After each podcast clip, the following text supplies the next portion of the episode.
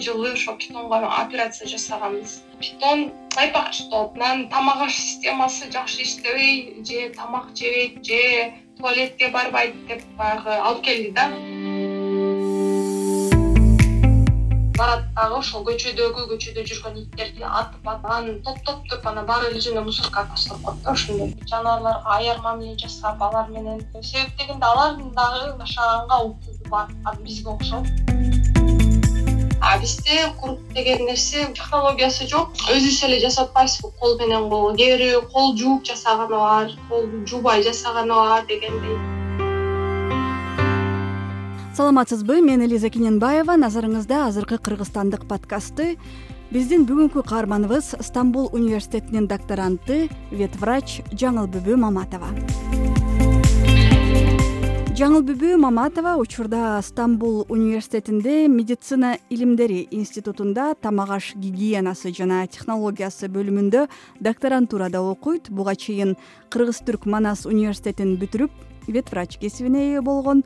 Ошол себептен азыр түркиядагы ветеринардык оорукананын биохимиялык лабораториясында эмгектенет. Андан тышкары атайын бир долбоордо тамак аш боюнча иликтөөлөрдү жүргүзүп жүрөт жаңыл бүбү мындан бир нече жыл мурда деңиз таш дагы иликтеген. Сөзүбүздү ушул таш бакалардан баштасакпы деп турам эмнеден улам болгондо дагы деңиз таш бакаларын иликтеп калдыңыз? Хобби катары деңиз таш бакаларын изилдөөгө бир жылдары кызыгып жүргөм да анан эки миң он сегиз эки миң он тогузунчу жылдары ошо эки жыл деңиз таш бакалары менен иштештим деңиз таш бакалардын ичинен каретте каретта трионикс анан келония мидас деген үч түрү бар. Үчөөнүн бир түрү кызыл китепке кирип калган да дүйнө жүзүнүн түгөнүп бараткан түрлөрүнүн катарына кирет депчи ошо каретта каретта ошол как раз ошо каретта каретталарды Э, коргоо боюнча атайын проектке катышып иштедим. Ал эки жыл созулду жыл сайын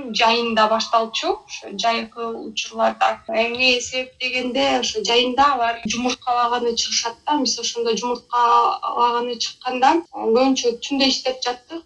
Себеби дегенде алар суу жаныбары болгон үчүн күн ысык болгон учурда чыкпайт да. Көбүнчө мындай түнкүсүн алар өмүрүндө бир эле жолу чыгышат ошол тулупка жакын жээкке чыгышат калган токсон тогуз пайызын жашоосун бул э, деңиздин ичинде жашап өткөрүшөт биз ошолорго атайын чип тагып атайын алардын баягы уялаган жерлеринин температураларын өлчөп себеп дегенде ташбакалар биринчи тууганда ичиндеги жумурткалары жынысын температура аныктап коет да мисалы ал температураны жасалма кылып дагы өзүң дагы мисалы эмне эркек көбүрөөк чыксынбы же болбосо ургач ташбакалар көбүрөөк чыксынбы деп сен дагы өзүң да мисалы температура менен эле мындай вмешаться этип эме кылып коюшуң да мүмкүн да. келишип аласың да?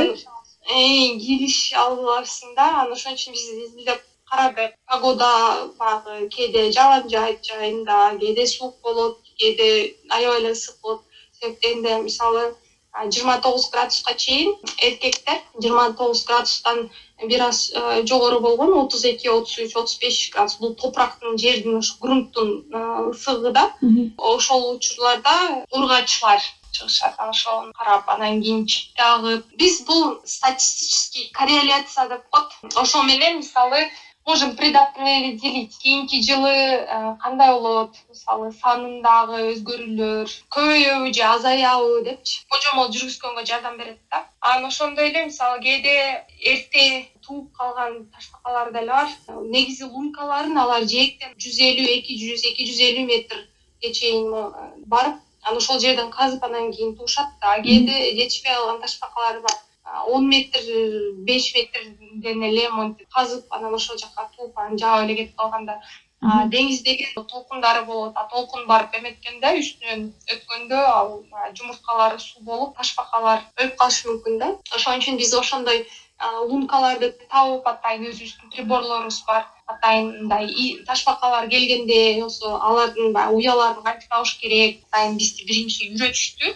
Анан ошого жараша биз дагы ошолорду казып эметтик кээде ошол биз иштеп аткан аймакта иттердин популяциясы көбүрөөк болчу да. Анан ошолор жумуртканын жыйтына келишет анан казып жеп коюшчу да ошентипчи алар дагы ташбакалардын баягы жок болуш себебинен бирден бир себеп болчу да. анан ошон үчүн биз ошол жакын жээкке жакын ошондой лункаларды казып алып анан кийин ошого эле окшош уя жасап анан үстүнөн атайын мындай темирден жасалган мындай эме зымдарды коючубуз да. Анан үстүн топурак менен жаап и кайсы жерде лунка жасадык деп баягы спутник навигациядан жердин жанагы широта жана долгота деп ошентип жерлерди метка кылып алып өзүбүздүн себептен кээде кээ бир адамдар дагы казып алып анан таш баканын жумурткасын сатам же болбосо деп ошентип дагы эметкен адамдар бар болчу да. Ошондо канча күндө жумурткадан таш бака чыгат? Орто эсеп менен э, бир жарым эки ай ичинде чыгат да анан силер жумуртка жаткан чуңкурчаны темир тор менен жаап салсаңар кичинекей ташбакалар өзүлөрү эле чыгып кете алышабы? Лунканын тереңдиги сексен сексен беш токсон жүз сантиметрге чейин жетет да. Негизи ташбака өзү дагы көнгөндө ошондой тереңдиктеги лунка жасап анан ошол жака жумурткаларын туйт да анан үстүн жаап туруп анан кетет. Биз деле ошол окшош лунка жасап биринчи өлчөп чоңдугу анан узундугу депчи. Энин анан туура эле ошондой лунка жасап анан көмчүбүз да. Көмгөндө илер баягы өзүнүн натуралдык инстинкти бар да ошол инстинкт менен эле жумурткадан чыкканда өздөрү деңизди көздөй жөнөшөт да алар. Эмне себептен дал ушул жаныбарды тандадыңыз? Мага ошол нерсе дагы эле кызык болуп атат да. Үчүнчү курсту мен турцияда анкара университетинде окуп аяктадым анан ошол жерде окуп жүргөндө э, ташбака менен деңиз ташбакасы менен иштешкен мугалимдер стажерлор бар болчу. Анан кийин ошолор менен таанышып калып мен да кызыгып баштадым. Себеп дегенде кыргызстанда деңиз жок ташбака болсо мындай кургакта жашаган ташбакалар бар. Анан көбүрөөк кызыга баштадым биринчи менин кесибим ветеринардык врач болсо дагы биз мисалы сабактардан ушул деңиз жаныбарлары деп өзүнчө өтпөйбүз да. Аны узкая специализация деп коет го атайын өзүнчө магистратура окушуң керек атайын өзүнчө же болбосо атайын деңиз жаныбарлары деп атайын факультет тандап ошентип окушуң керек да. Биринчи өзүм эле ошол физиологиясын ташбакалар кандай жашайт эмне менен тамактанышат алардын негизги ролу эмне? Деңиз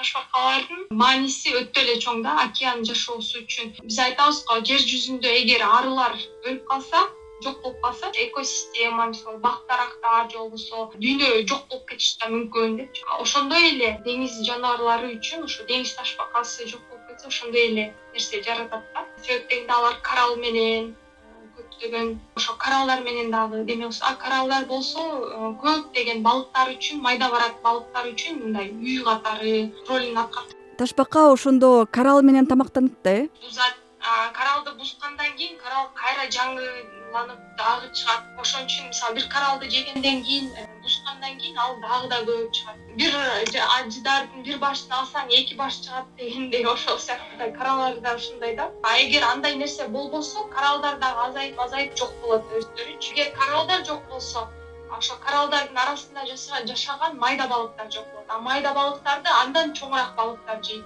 Э, чынжыр бар да цепочка. Ошол цепочка бузулса ошол жалпы эле ошо океандын жашоосуна дагы чоң мындай өзгөрүүлөр чоң жаман таасирин тийгизет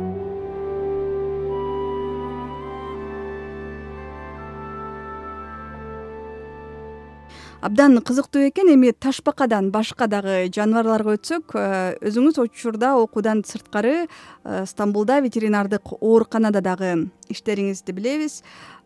Кандай бейтаптар көп түшөт? Мисалы стамбул аябай өтө эле чоң шаар. Бул жакта жалаң ит анан кийин мышык баккандар эмес мындай ар түрдүү жаныбар баккандар мындай. Мен да башында аябай таң калыштуу болду өзүмөчү биринчи келип ошо иштеп эметип атканда. Чоң тарантул баккандар бар питон баккандар бар жыландын ар кандай түрлөрүн баккандар бар алар дагы келишет. Мисалы былтыр эмес мурунку жылы ошо питонго операция жасаганбыз питон байпакчы болуп анан тамак аш системасы жакшы иштебей же тамак жебейт же туалетке барбайт деп баягы алып келди да. Өзү да жаман болуп атат деп окшобойт депчи мен түшүнбөй жатам деп ошентип алып келсе анан кийин рентген томографияларын жасадык жыландыны карасак мындай бир нерсе бар бирок биз деле билбейбиз да эмне экенин. Анан кийин анестезия астында операция жасалды. Чыгарсак байпак чүйдү болуптур. Ошондой окуялар болот игуана баккандар бар чөнтөк маймылдары деп коет кадимки эле маймылга окшош примат бирок кичинекей. Ошон үчүн чөнтөк маймыл деп коет ошондойлорду баккандар. Анан зоопарктын жаныбарлары келет арстан же болбосо лама жырткыч жаныбарлар келет. Негизи кайсы жери ооруп жатканын айта алган түшүндүрө алган адамды дарылаш оор эмеспи. Анан жаныбарлар менен иштөө эки эсе кыйын болсо керек. Анатомиясын өтүп атканда деле анткени жаныбарлар деген аябай көп бөлүнөт да. Беш түргө бөлүнөт органдары боюнча мисалы ар бир орган ар башкача. Иттерде мындай болсо мышыктарда тигиндей. Жапайы жаныбарлардыкы таптакыр башка мисалы ошол эле кан айлануу системасы баягы тамак сиңирүү органдары баардыгы башкача да. Ошонун баарынын анатомиясын окуп үйрөнүшүң керек. Жаныбарларды карап эмдегенде алардын мисалы тили жок да. Мындай карайт же болбосо бир жери ооруса тиштеп алышы мүмкүн тытып алышы мүмкүн. Өзүңдү дагы жарадай кылыпчы көп эле ветеринардык врачтардын колдорун же болбосо эмелерин карасаңар тытылган тиштелген болушу мүмкүн да. Бирок мен үчүн жаныбарлар менен иштөө аябай эле өтө кызыктуу. Анткени деген ар бир кесип ардактуу дегендей мага жаныбарлар менен иштеген өтө эле кызыктуу да алар э, сүйлөбөсө да айтпаса да бирок мындай э, жакшылык жасагандан кийин мисалы аларды дарылагандан кийин мындай ыраазычылыгын айткандай сезилет да магачы келип туруп башын сылатышы мүмкүн. Ошенткенде ичим жылып мындан да көбүрөөк дарылап же болбосо мындан да көбүрөөк мындай жаныбарлар менен алек болгонго дагы аракеттенет да. Жаңылбүбү учурда сиз э, кыргызстанда жасалган куруттун дагы курамын иликтеп жатыптырсыз э? Ушул боюнча дагы айтып бересизби? Турцияда эмес өзүм окуум турцияда болсо да кыргызстан үчүн да бир салым кошоюн деп чечтим ошон үчүн курут деген теманы тандап алдым куруттан э, ошол жети областтан эме өрнөктөрдүн баарын топтодум. Азыр күтүп атам проект жазып жөнөттүм. Ошо курутту изилдөө боюнча химиялык составы микробиологиясы ошолорду жасап ошолорду аныктап ошентип отурам бизде кыргызстанда мисалы казактар деле курут жейт турцияда деле курут жегендер бар да эми кээ бир аймактарында. Кыргызстан бизде айырмаланып мисалы бизде түштүк тарапта көлдө ошол таласта мындай башкача курут жасашат да мисалы арасына мындай варенье кошуп жасаган куруттар бар сары май кошуп жасаган куруттар бар чөйгө кошуп жасаган куруттар бар атайын ышталып жасалган куруттар бар андан сырткары ар кандай жанагы чөп чаар кошулуп жасалган куруттар бар. Жада калса мисалы акыркы учурларда баягы шоколадка деле курут аралаштырып ушинтип атайын туристтерге деп ушинтип чыгарып башташат да. Ошондой ар кандай куруттардын составында ар кандай чөп ар кандай нерселерди аралаштырган үчүн анын дагы мындай касиеттүүлүгү өзгөрөт бактериялык ичиндеги курамы да өзгөрөт. Анан бизде мисалы баардыгы кол менен жасалган үчүн оорулардын да жайылышына да бирден бир себеп ушул болот да. Анткени мисалы көп эле жерде билесиз мына чет өлкөдө ошол ар бир өлкөгө тиешелүү тамактары бар да. Алардын баары э, атайын технологиядан өтүп фабрикацияланган атайын мындай сыртындагы салофандын ичинде атайын ушинтип сатылат да упаковкалангылычы а бизде курут деген нерсе мындай технологиясы жок. Өзүбүз эле жасап атпайсызбы кол менен кол кээ бирөө кол жууп жасаганы бар колду жуубай жасаганы бар дегендей эле ошондой э, сыртта сатылган тамак аштар аркылуу көптөгөн оорулар дагы жугушу мүмкүн. Чет жакта жүрүп кандайдыр бир жакшы нерселерди көргөндө кыргызстанда дагы ушундай болсо деп ойлонуп калат эмеспизби сиз кыргызстанга кандай салым кошкуңуз келет? Эмнени өзгөрткүңүз келет? Өзүм азыр тамак аш жаатында иштеп жатпаймынбы? Кыргызстанга исо стандарттарын хазард стандарттары деген ушундай эл аралык деңгээлдеги стандарттарды алып келгим келет да. Анткени деген биз кыргызстан бул экологиялык жактан таза өлкөбүз да. Мисалы жер жеркебиз аймактар мындай бузулбаган фабрика мындай булгоочу нерселер аябай аз да. Тамак аш болсун буудай ун болсун же болбосо пахта болсун же болбосо э, ошо өндүрүлгөн помидор картошка мисалы ошолордун баары же болбосо сыр өзүбүз мындай чыгарган нерсенин баарын мисалы чет өлкөгө экспорттой албайбыз да себеп дегенде ошондой стандарттарыбыз жок. Ошол стандарттарды аныктаганга э, ылайыктуу лабораториялык шарттарыбыз жок мамлекеттик деңгээлде жок. Бул негизи түздөн түз биздин ошол дыйкан дарыбызга мамлекетибизге негизи чоң ушундай салым кошмок да. Көбүсү эле мисалы кыргызстанда жаныбарларга мамилебиз аябай жок да негизичи. Аны айыл жергесинде эле баягы үй кайтарганы короо кайтарганы эле колдонбосок иттерге болгон сүйүү мушуктарга болгон сүйүү бизде. Мисалы жыл сайын иттин популяциясын азайтуу үчүн мэрия бишкектин тегерек чекелери же болбосо жер жерге ошо райондордо областтарда ит атарлар чыгышат да. Барат дагы ошол көчөдөгү көчөдө жүргөн иттерди атып атып анан топтоптуруп анан барып эле жөн эле мусоркага таштап коет да ошондой. Негизи эң туура эмес нерсе. Анын популяцияны азайтуу болгон цельди мындай башкача кылса болот да мисалы алардын стерилизация кылып койсо болот кысырлаштырып койсо болот вакцинациясын жасап койсо болот мисалы башкача оорулар жайылбасын же болбосо эметпесин депчи. Көчө атып атат үйдүн жанынан атат. Аны көргөн кичинекей балдар болот же болбосо чоң эле кишилер болот. Көргөндө дагы мындай психология өтө мындай жат нерсе да оор нерсе. Жаныбарларга аяр мамиле жасап алар менен. Себеп дегенде алардын дагы жашаганга укугу бар бизге окшоп. Алардын дагы мындай көбөйгөнгө дагы укугу бар да. Тилектериңиз ишке ашсын чоң рахмат сизге